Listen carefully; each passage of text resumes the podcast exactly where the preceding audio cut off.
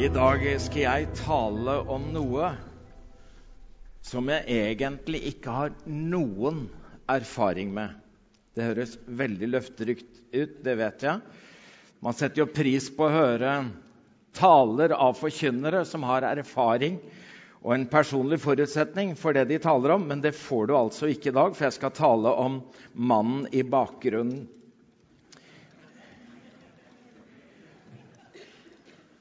Vi kjenner jo til ordtaket at uh, bak enhver suksessfull mann står en forundret kone, og også ofte en forvirra familie. Og her har du meg, lett gjenkjennelig.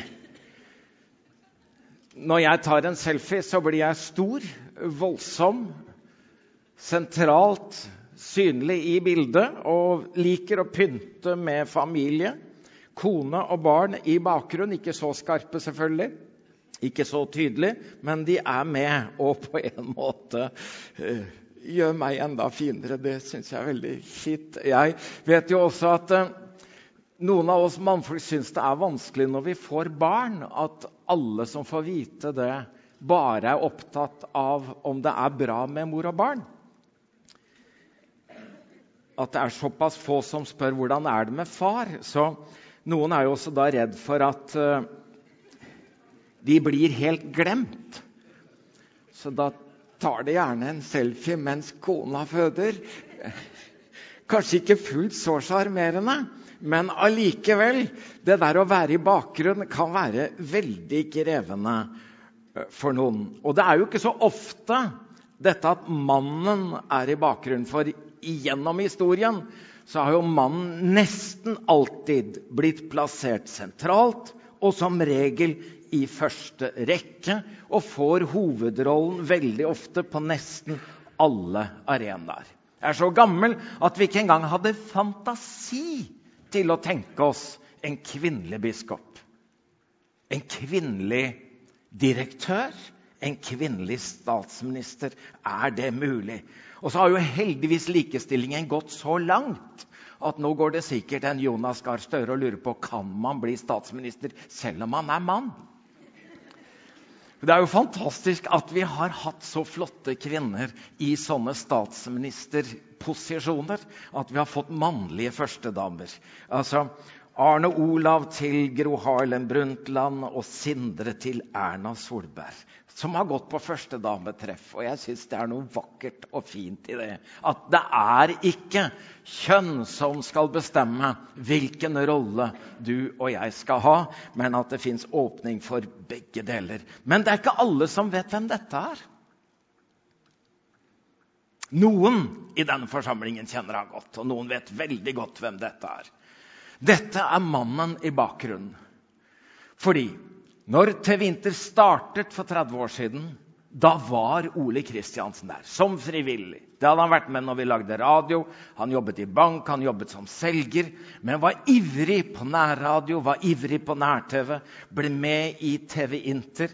Og nesten alt jeg har gjort på TV gjennom alle disse årene, det er det Ole Kristiansen som både har produsert og regissert. Det betyr at vi har vært sammen i redaksjonsmøte på forhånd, vi har vært sammen på opptak ute når vi har gjort opptak. Og så er det Ole som har måttet følge dette i klippen, i, i redigering, og følge det til sluttprodukt. Og når jeg syns og får takk og ære, så står Ole og smiler i bakgrunnen. Og nesten ingen vet hvem han er. Hvem er det som har gått og snakket i to-tre år? Egil, vi må også over på sosiale medier. Vi må inn på sosiale medier. Vi må gjøre det. Og du skal lyse velsignelsen, Egil. Du skal lyse velsignelsen. Hvem er det som rapporterer nesten daglig, hver uke? Så mange seere. Nå har vi nådd så mange, Egil. Så mange. Les denne tilbakemeldingen. Så tenker jeg hva skulle vi gjort uten alle disse som står i bakgrunnen, i baktroppen, i støtteapparatet, i sekretariatet og gjør sin gjerning? Og jeg håper at denne talen blir en oppmuntring til deg som syns at du har funnet din plass litt lenger bak i arbeidet. Det er altså bare rett og slett intro til fortellingen om Josef. For det er jo sånn at Fra jul til jul så blir det litt ulike situasjoner, litt ulike personer, som jeg også blir fascinert og opptatt av. Og nå har jeg gått tur med Josef i noen dager, i noen uker faktisk. Jeg har lest et par små bøker som har inspirert meg. Både boka til eh, Ole Paus om fortellingen om Josef. Ole Paus er en god forteller. Og Jostein Ørum, hovedprest nå i Storsalen, som skriver mange små, men innholdsrike bøker. Deriblant deriblant boka om Josef som heter 'Det kan bli fint likevel'. Jeg anbefaler den for å lese den selv, men også kunne gi bort den til andre. Disse bøkene har inspirert meg, og jeg håper at jeg kan gi noe av det videre.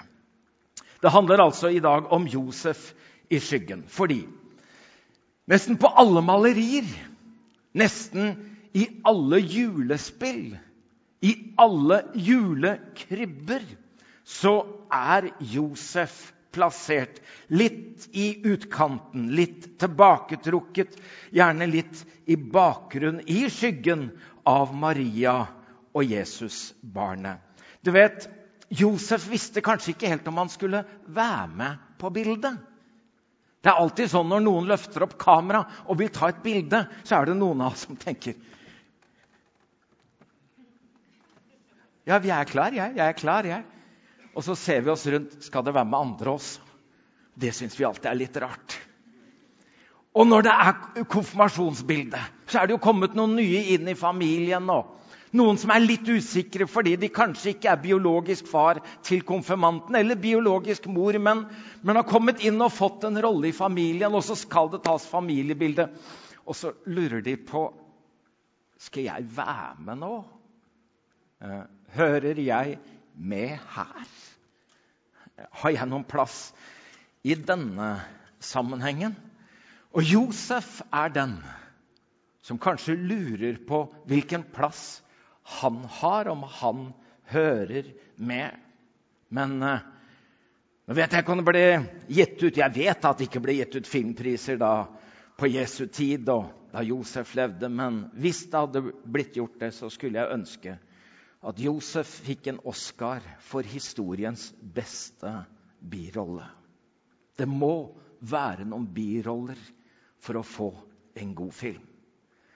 Og når Matteus skal skrive sitt evangelium, så er det sånn at Lukas har valgt Marias inngang og Marias historie, mens Matteus forteller evangeliet fra Josefs side. Og Dermed så har vi på en måte to juleevangelier og to julefortellinger som når vi holder disse sammen, gir oss en helhet. Og er det ikke sånn det er? At de henger sammen, disse. Disse som står framme, og disse som står bak. Disse som er sentrale, og disse som står litt i utkanten. At det er sammenhengen som teller. Og når Matteus skriver, så begynner han altså sitt evangelium med Josefs slektsledd. Det er 14 slektsledd, skriver han, fra Abraham til David, fra David til bortføringen til Babylon, og fra, Babylon til, fra bortføringa til Babylon, altså hjemføringa fra Babylon, og til Kristus. 14 ledd i hver avdeling. Og så er det alltid, uten unntak i disse slektshistoriene, fra far til sønn. Hvorfor har du valgt Josefs slektstavle, Matteus? Josef er jo ikke engang biologisk far til dette barnet. Men han skriver, den gode Matteus Med Jesu Kristi fødsel gikk det slik til. Hans mor Maria var lovet bort til Josef. Men før de var kommet sammen, viste det seg at hun var med barn ved Den hellige ånd. Josef, mannen hennes, som var rettskaffen og ikke ønsket å føre skam over henne, ville da skille seg fra henne i stillhet. Men da han hadde bestemt seg for dette, viste en Herrens engel seg for ham i en drøm og sa, 'Josef, Davids sønn, vær ikke redd for å ta Maria hjem til deg som din kone.' For barnet som er unnfanget i henne, er av Den hellige ånd. Hun skal føde en sønn, og du skal gi ham navnet Jesus. For han skal frelse sitt folk fra deres synder. Det er Matteus juleevangeliet. Josef, hva vet vi om han? Jo, vi vet at han kommer og bor fra Nasaret og bor nord i Israel, i Galilea. I Lukas' juleevangelium heter det jo Josef dro da fra byen Nasaret i Galilea til Davids by Betlehem, siden han var av Davids hus og ett. Denne lille, ubetydelige bygda nord i Israel. Den gangen 1500 til 2000 innbyggere. Altså, det var såpass usentralt så når Philip kom begeistra til Nathanael sa Nathanael, Nathanael, nå må du høre! Vi har funnet han som Moses har snakket om, og som profetene snakker om. Jesus fra Nasaret. Han der. Jesus fra Nasaret. Og da sier Nathanael, kan det komme noe godt fra Nasaret? Er det mulig? Og det kom noe godt fra Nasaret, nemlig Josef. Og så vet vi at han var tømmermann.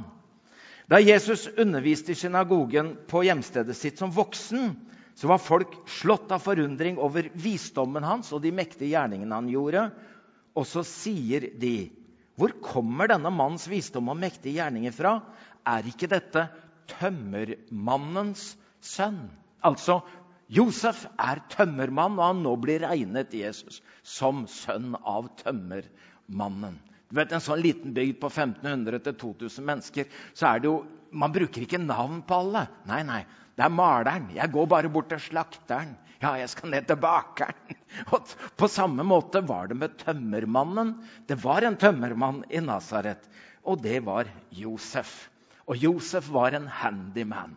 Det tenker jeg er noe vakkert og fint. Han var kanskje ikke så god med ord. Det er ikke sikkert han likte å løfte hendene i lovsang engang. Og det er ikke sikkert han likte å synge så mye.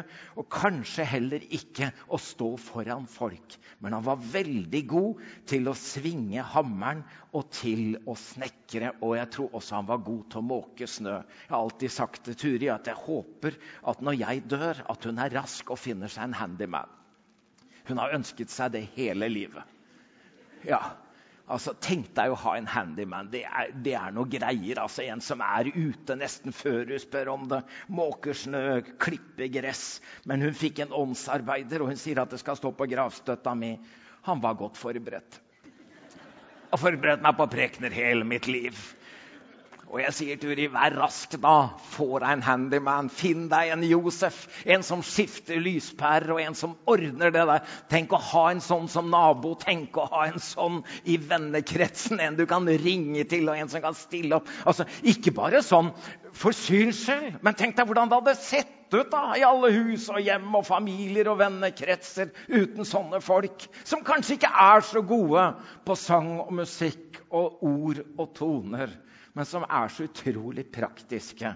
Som kommer og koker kaffe, og som er teknikere, og som spiller, og som er egentlig dette bakkemannskapet og baktroppen som sjelden syns, og altfor sjelden får takk for det de gjør, men som er så utrolig viktige. Josef var en sånn mann som æres bør i sammen med vaskelag og kjøkkengjeng og dugnadsfolk. Og så var han lov... Nei, han var ikke lovet bort, for sånn var det ikke. Det var Maria som var lovet bort til Josef. De tenkte jo den gangen og tenker i den kulturen at forelskelse er en psykose, og det er dumt å gjøre viktige valg i psykose. Så da tenker de at dette får foreldrene ta, for dette er de mest klare til. da. Så da ordnet de dette foreldre imellom, såkalt arrangert ekteskap. Og Maria var lovet bort til Josef, og så fort hun ble eh, mulig å bli gravid, så skulle hun bli Josefs kone. Og denne Forlovelsen var like forpliktende som et ekteskap, men de kunne ikke ha sex sammen. Men eh, hvis en av dem var utro, så kunne det innebære steining. Kanskje også da død som følge av det. Og så innebar det at hvis f.eks. mannen døde, så ville hun allikevel bli regnet som enke. Selv om hun bare var lovet bort. Så dette var disse to. Han og hun var lovet til hverandre. Og så tror jeg at jeg må si at karakteren hans er spesiell. Eh, vi ville kanskje lagt, vekt på andre kvaliteter. Vi sier fort at noen er flinke, noen er kunnskapsrike, noen er dyktige. Om Josef står det han var rettskaffen. Av alt det man ønsker seg av vakkerhet og alt som er sprekt og fint, så skulle man kanskje først og fremst ønske seg en som er rettskaffen. Det betyr at det er en som holder ord. Et løfte er et løfte, en du kan regne med. En du kan regne med som ektemann, som far. Du kan regne med han som venn, som bror, også som håndverker. Når Josef har sagt det, da gjelder det. Han holder det han lover. Kanskje rart å si det, men det virker som om tømmermannen nesten var hel ved. Ja, fint. Dere er forholdsvis våkne. Det står ingenting om hvor ofte han gikk i synagogen. Vi har heller ikke lest at han ba. Men det er noe som får meg til å tro at Josef var gudfryktig. Og det som får meg til å tro at han var gudfryktig, var rett og slett ikke at antall synagogebesøk og hvor ofte han ba, at det er gjengitt. Men han gjorde det Gud sa. Og Jeg vet ikke hva det vil si å være gudfryktig hvis ikke det handler om å gjøre det Gud sier. Vet, Vi syns at det er viktigst at vi har rett mening, altså at tro er noe vi mener ut. Mens Josef var kanskje mer opptatt av at tro er noe vi lever ut. Og selv om Gud ba han om å gjøre noe som var veldig krevende, og som ville føre til både latterliggjøring, mistenkeliggjøring og avvising, så var det sånn at Josef gjorde allikevel det Gud sa. Det rare når det gjelder alderen hans, det er at vi ikke vet hvor gammel han var. Det antydes ikke engang, men på alle malerier ser han nesten ut som om han er 85. Maria ca. 15. Og man tenker, Var ikke det veldig stor aldersavstand, da? Det fins noen grunner til de spekulasjonene. Men vi vet ikke. Han kan ha vært på samme alder som Maria. Han kan ha vært 20. Han behøver ikke ha vært en gammel mann. Men det vi vet, det er at når Jesus er voksen, og Jesus underviser og blir avvist på sitt hjemsted, da sier de Er ikke dette tømmermannen, sønn av Maria? Altså, Nå er han ikke lenger tømmermannens sønn. I Nasaret har han nå blitt tømmermannen, sønn av Maria. Og så nevnes søsknene hans, mens Josef nevnes ikke. Så når Jesus er 30, er ikke Josef til stede. Og når Jesus dør på korset, og fra korset i smerte og pine ser Maria ved korset, så sier han, 'Kvinne, der er din sønn.' Og sønn, altså Johannes, der er din mor. Og fra den dagen tar Johannes Maria hjem til seg. Det kan jo bety at Josef ikke lenger er til stede i familien. At han sannsynligvis er død. Ellers hadde jo ikke Jesus ønsket at Johannes skulle ta Maria hjem til seg. Vi har jo også lov til å tenke er det derfor du ikke sto fram i din offentlige tjeneste Jesus, før du var 30? At du hadde et forsørger- og omsorgsansvar, ikke bare for mor, men kanskje også for søsken. Og at det ikke skulle gå på bekostning av din tjeneste. Hva vet vi? Men om Josefs alder vet vi altså ingenting. Men han kan ha vært jevngammel som Maria. Det vet vi ikke noe om. Men eh, Josef var tømmermannen, og hva gjør man hos en tømmermann? Man går i lære. Du vet at det grekerne kom med, det var jo akademia. For studenter de vet at det de har forstått og kan forklare, det er det de kan. Og For det får vi våre bekreftelser. Mens jødene de hadde disipler. For de tenker at du kan ikke det du har forstått og kan forklare, men du kan det du gjør. Altså, De er praktikere. Troen er ikke noe man tenker, men troen er noe man praktiserer. Så jeg tenker at Det å gå i læra hos en tømmermann er jo selvfølgelig da for selv å bli tømmermann, sånn som Jesus gjorde. Han var tømmermannens sønn, og så ble han tømmermannen. Men du vet at det å gå i læra hos Josef handlet om mye mer enn å lære å snekre og lære seg å sage og lære seg å bygge. Jeg ser for meg disse to mange timer hver dag. Tror du de bare snakket om Er det to tom fire det heter? Jeg ser på deg, Andreas men der var det ikke mye å hente. Eh.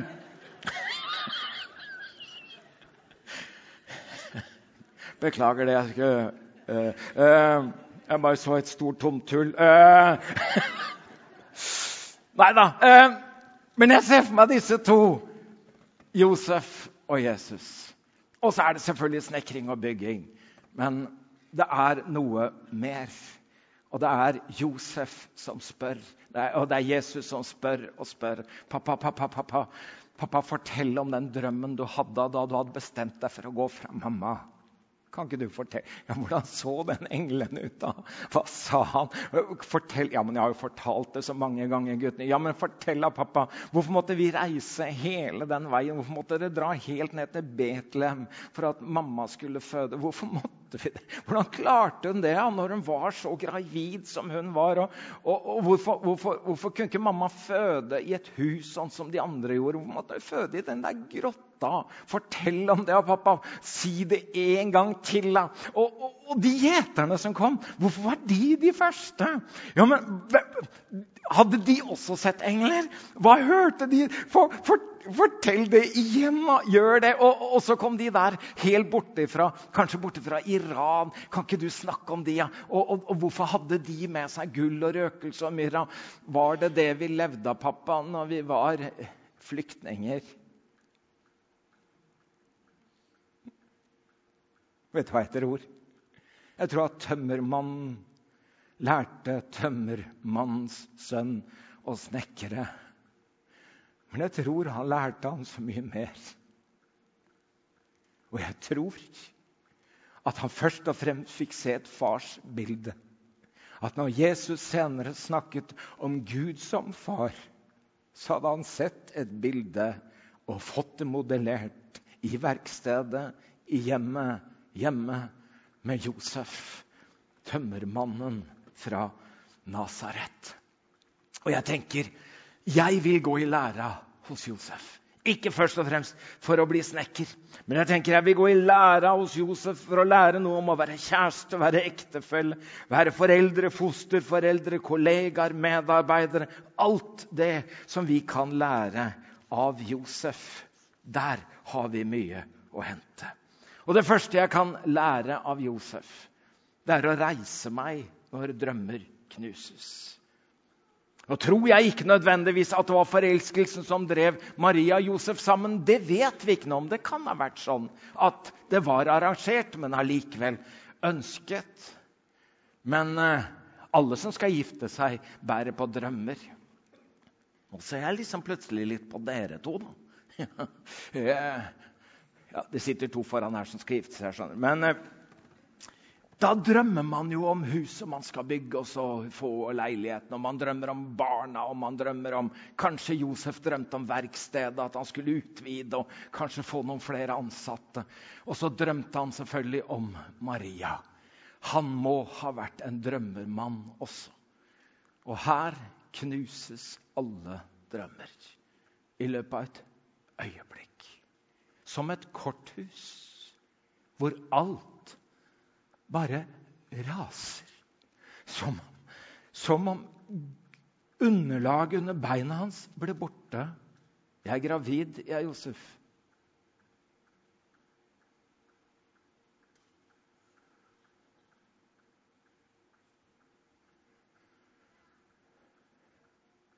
Josef visste ikke hvem som hadde gjort henne gravid, men han visste at det ikke var han.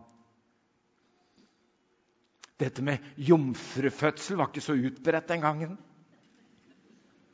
Det var ikke noe han hadde fått med seg som noe som kunne skje en gang. Men der og da er det som om alt For noen kan det være diagnosen som de fikk av legen, konkursbegjæringen, eller hun som jeg snakket med for noen dager siden, som sa vi har to barn, åtte og ti år. For ikke så lenge siden så kom mannen min hjem etter å ha vært borte et døgn og sa jeg må finne meg selv, tok bagen sin og flytta ut. Noen har opplevd sånne øyeblikk og dager hvor alle drømmer knuses. Og hvor plan A ikke lenger fungerer, og plan B ikke lenger fungerer. Og hva skal vi gjøre da, og hvor skal vi gå da? Og Det jeg beundrer Josef for, det er at han drømte nok, men han rømte ikke. Hun var ikke mor til hans barn, men han tok henne til seg som sin egen kone. Det var ikke hans barn, men han gjorde det barnet til sitt eget. Han fikk Maria, men han fikk så mye mer enn det han hadde tenkt, og det han drømte om. Hvor skal vi gå når drømmer knuses? Kanskje det er da vi ikke skal gå noe sted. Men kanskje det er da vi skal være der vi er, for å se om det kan bygges noe nytt opp igjen. Han har en eh, navnbror i Det gamle testamentet som også var en drømmer. Josef. Han drømte når han var 17 år, han, at kornbåndene bøyde seg. Og de kornbåndene, det var brødrene hans. Det er for så vidt jeg drømte om. Men det var ikke nok med det. Han drømte til og med om sol og måne og stjerner. Hadde det utvida seg, og de, de, skulle bøye seg for han. Det reagerte faren hans og sa at mener du at vi også nå skal bøye oss for deg. Du vet at Når du har drømmer som 17-åring, så handler det som regel om deg selv. Jeg skal bli verdens beste predikant. Jeg skal bli en kjent lovsangsleder. Jeg skal bli Det handler som regel om oss selv. Men eh, når Josef er 30 da har drømmene hans modnet seg. Da har identiteten hans formet seg. Nå har han blitt solgt av brødrene sine. Nå har han sittet i fengsel på falske anklager. Men nå, som 30 år gammel, så er Josef i Det gamle testamentet blitt guvernør for hele Egypt. Og farao, som har utnevnt han, kaller han verdens frelser. Du fikk noen drømmer. Du trodde det handlet om deg, men kanskje det handlet om fra Guds side. Hva du skulle få bety for noen andre. At du ser at det Josef trodde ble knust, var egentlig noe han ikke hadde forutsetninger for å forestille seg og drømme om. Det Gud ønsket for hans liv. For vi vet at alt tjener til gode for dem som elsker Gud, dem han har kalt etter sin frivillige. Jeg kan ikke si at du skal bli, eller om du skal gå, eller om du skal være, eller hva du skal gjøre i ditt konkrete tilfelle. Men bli hos Gud, det vet jeg at du skal. For det er det som er faren. At vi ikke bare rømmer fra situasjonen og fra personene, men vi rømmer fra Gud når ting knuses. Men det er akkurat da vi må bli hos Gud, og det kan vi lære av Josef. For forkynneren sier at alt har sin tid. Det er en tid for alt som skjer under himmelen. Det er en tid for å gråte, og så er det en tid for å le. Det er en tid for å sørge, og så er det en tid for å danse. Og Josef er et forbilde for alle som blir når livet brytes og drømmene knuses. Det vi kan lære av Josef, det er å finne vår plass. For etter hvert som jeg er blitt litt bedre kjent med Josef, så har jeg fått en følelse av at han ikke er skjøvet motvillig i bakgrunnen. At han liksom er plassert der av noen andre. Jeg har fått en slags sånn følelse av at han har funnet sin plass, og at han trives i den. Vet Noen av oss som har det genet jeg har, tror fort at alle må stå og synes. At alle skal ha en sentral posisjon. Mens veldig mange mennesker vet at deres posisjon skal ikke være der. Og det har de det veldig godt med. Ikke bare at de forsoner seg med det, men de elsker det. Dette er min plass. Dette er min posisjon. Dette er min rolle. Og her trives jeg. For noen er det i utkanten eller i bakgrunnen, men så viktig. Vi startet denne høsten med serien eh, 'Finn din plass' og hentet inspirasjon fra Thomas Sjødins bok om å finne vår plass i tilværelsen, i kirka, i Gud. Det handler om å finne sitt livs ja og tenke at man finner den plassen som er for meg. For vi bærer denne lengselen om å bety noe, være noe som er større enn oss sjøl. Bli brukt av Gud og være til bruk for noen andre. Denne indre, dype lengselen. Og da må vi komme oss forbi sammenligningene.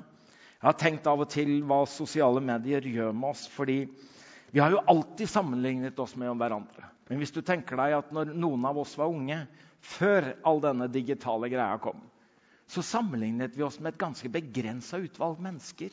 Vi bodde i et område. I det området var det en barnehage, i det området var det en skole.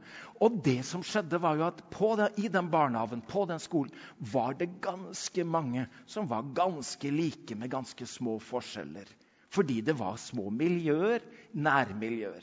Nå så sammenligner vi oss med alle i hele verden. Og når jeg sammenligner andre i denne verden på deres beste med mitt verste, da blir sammenligningen trusselen mot å finne vår plass. For da tenker vi og snakker oss selv ned, samtidig som vi har en tendens til å snakke andre opp. Men når apostelen Paulus underviser om Kristi kropp, så handler det ikke bare om hvilke organer og lemmer som er synlige, og som har en sentral plass. Men snakker jo opp nettopp disse lemmene og funksjonene som har en tendens til å snakke seg selv ned eller bli skjøvet ned og tilbake av andre. Og så skriver Paulus i 1. Korinterbrev men nå har Gud gitt hvert enkelt lem sin plass på kroppen slik han ville det. Har en følelse av at Josef er trygg.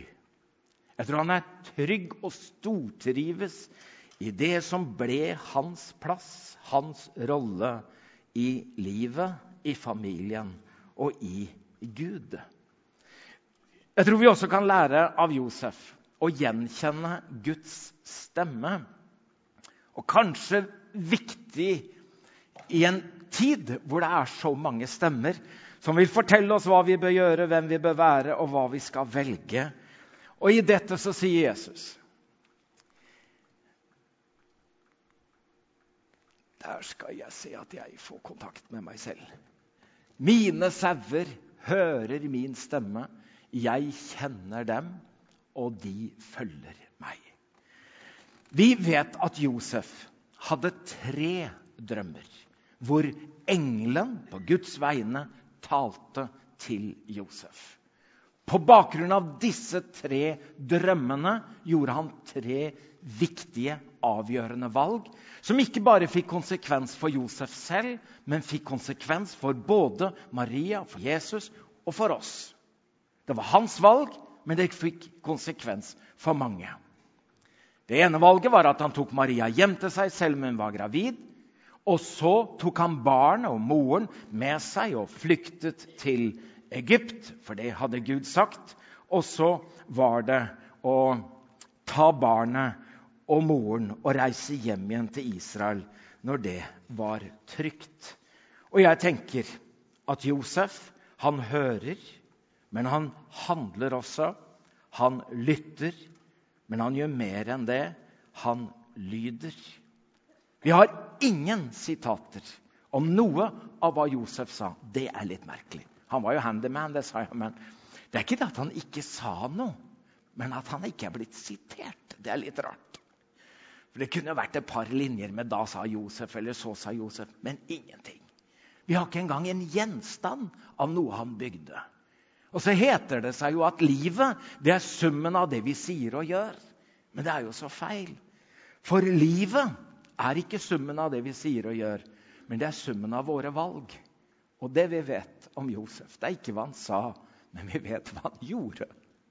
Og vi vet at han hørte Guds stemme og at han ikke bare hørte den, men at han adlød og gjorde det Gud sa. Nå er det jo ikke sånn at vi alle sammen skal ha englebesøk. Men Gud taler til oss alle. Det er jo derfor vi kommer på gudstjeneste. Det er derfor vi leser Bibelen. Og noen syns det er fantastisk. Tenk hvis Gud kunne talt til oss på en spektakulær måte. Men det viktigste er jo ikke at Gud taler bare, men at vi hører. Og når vi leser Bibelen, og når vi hører forkynnelse, og når vi deler i småfellesskap, så taler Gud. Og da er det jo viktigst at vi hører og handler, at vi lytter og adlyder, sånn som vi lærte at Josef gjorde. Jeg falt for dette bildet med en far som bærer datteren sin over grensa inn i Ungarn, en flyktningfamilie. Og så sier han vi klarte det. Og Jeg har sett for meg Josef når han skjønte konsekvensene det kunne fått hvis han ikke hørte og handlet. Men når han kommer tilbake og har berget familien sin med Maria og Jesus i behold etter flyktningetida i Egypt, så er det som om han går over grensa til Israel igjen og sier Vi klarte det.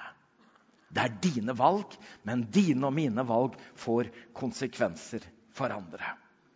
Skal jeg til slutt ta dere med i det siste som jeg tenkte at vi kunne ta med oss og lære av Josef? nettopp det å realisere andre. Og Det utfordrer oss litt ekstra i våre dager, fordi vårt mantra det er jo at vi skal realisere oss selv. Og at vi må realisere drømmene våre. Det er liksom det vi må, og det er det vi skal. Du må realisere deg selv, og så må, du realisere drømmene dine. Det er jo selvrealiseringen. Selv om det ofte går på bekostning av noen andre at vi allikevel tenker at det er det viktigste i livet. Jeg eh, møtte jo Turi når Turi var 14, jeg var 15. Turi jobbet etter hvert i barnehage og var veldig glad i barn. Og alle er jo glad i sine barn, men Turi var også glad i andres barn. Og sa veldig tidlig at om det er mulig, så ønsker jeg at vi kunne få mange barn. Og så har jeg et ønske om jeg kan få lov å være hjemme med barna hvis det blir mulig mistet foreldrene sine tidlig. Så når vi spedde på med arv, så kunne Turi få sin drøm oppfylt om å være hjemme med barna. Og så hadde du vel en periode da ikke bare våre egne fem, som kom ganske tett, men du hadde tre dagbarn også. Så det var forholdsvis folksomt. Og da skjønner jo alle at det er strevsomt, og at det er mye å gjøre. Ja, Men det var allikevel ikke den største utfordringen. Jeg har snakket med deg om dette i dag for å klarere at jeg har lov å si dette. Det du ble provosert av, det var alle disse som sa Er du bare hjemme?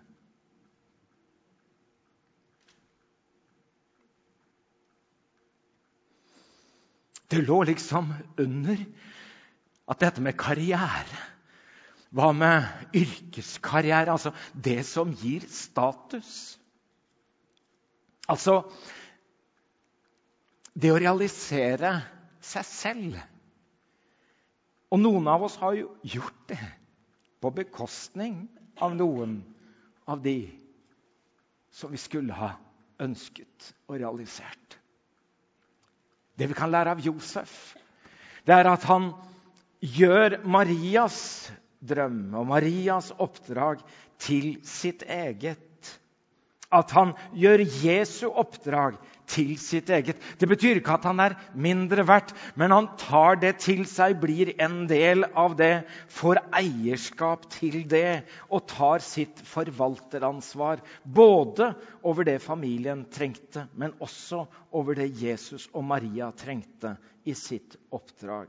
Han ble holdt for å være sønn av Josef, blir det sagt om Jesus. Skal jeg ta dere med inn i avslutningen, og så skal vi dra med eh, Josef og Maria til Jerusalem. Jesus er tolv år gammel, og det er jo en stygg sak. Det er jo en, det er jo en, eh, det er jo en eh, Ja, han ble jo gjenglemt der, tolvåringen. Og det er ikke tre timer, det er tre dager. Det er en stygg sak. Det er en veldig stygg sak. Glem, vi, vi, kan ikke glemme det, men, men, men skyv det litt bort. Eh, men, men, de leter etter Jesus i tre dager før de finner han i tempelet. Og så kommer de inn på tempelplassen, og så ser de at Jesus sitter sentralt med mange folk som er interesserte, skriftlærde. De samtaler, de diskuterer, det spørres og det svares. Og midt oppi dette sitter Jesus. Og jeg har, lovt, jeg har tillatt meg selv å tenke at Josef står og hører litt på og blir litt stolt. Det er nesten sånn at han tenker 'Jesus, den der har du fra meg'. Vi snakka jo mye om det der. Det er godt sitat. Det er godt huska. Jeg tenkte du har lov å være litt stolt nå, Josef. Du har lov til å tenke at, at, at dette har du vært med på å forme og skape. Du har lært den mer enn å snekre. Du har lært han noe om hvem han er. Det er nesten som om Josef må stå der og tenke jeg tror han har kommet til tro på seg selv. Han har funnet ut hvem han er nå. Gutten har blitt moden. Han vet at han er Guds sønn. Og jeg hører noe mer når mor og far og søsken kommer. Og Maria snakker jo på vegne av dem begge. Det var en vane sikkert de hadde. Jeg kjenner flere ektepar som har det sånn. At den ene snakker på vegne av begge to, og det er kanskje like greit. Men din far og jeg du vet, Han kalte ikke han for stefar, for han var jo ikke hans biologiske far. Men han hadde blitt hans far. Din far og jeg har lett etter deg, og vi har vært så redde. Og så kommer det. Og når nå Jesus repliserer dette, så sier han, 'Hvorfor lette dere etter meg? Visste dere ikke at jeg må være i min fars hus?' Da hører jeg to ting. Nå hører jeg noe som er veldig vondt for Josef å høre. Nesten som å bli stukket av en kniv. Nesten som en sint tenåring som smeller med døra. Du har vokst opp i en familie, du har fått en fosterfar, du har fått en stefar som har gjort alt for deg. Smeller du med døra og sier 'Du er ikke faren min!' 'Hvorfor har dere lett etter meg?' 'Huset oppe i Galilea, i Nasaret, er ikke det som er mitt hus.' 'Det er dette som er mitt hus.' Ja, jeg hører at dette kan gjøre forferdelig vondt for Josef. Men jeg velger å høre at Jesus ikke sier dette i sinne, men at han sier det på en måte som gjør at Josef tenker Jeg har fullført oppdraget mitt. Nå vet han hvem han er. Nå vet han hva han skal. Det er ikke sikkert jeg blir en gammel mann, men jeg har fullført det oppdraget jeg fikk. Det var å fostre Guds sønn, være en god far og en ektemann, sånn at han kommer dit at han vet hvem han er, og hva han skal. Og at Josef reiste fra Jerusalem med Maria og Jesus og tenkte jeg har gjort det jeg skal. Se til at du fullfører den tjenesten du har fått for Herren. At du finner den plassen som er tiltenkt deg. At du går inn i den oppgaven som Gud har gitt deg. Om det er å være sentralt eller litt i utkant, eller om det er å være foran eller litt bak, det er ikke viktig. Men at du finner din plass, finner din tjeneste, at du fullfører den. Skal vi reise oss?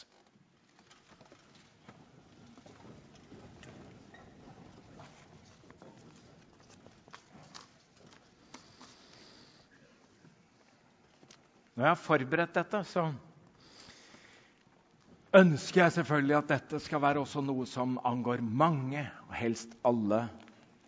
Men jeg har hatt en sånn følelse av at noen i denne forsamlingen er i en livssituasjon hvor du står innenfor viktige, men også vanskelige valg. Skal jeg bli? Skal jeg gå? Skal jeg begynne? Skal jeg slutte? Skal jeg være, eller skal jeg flytte?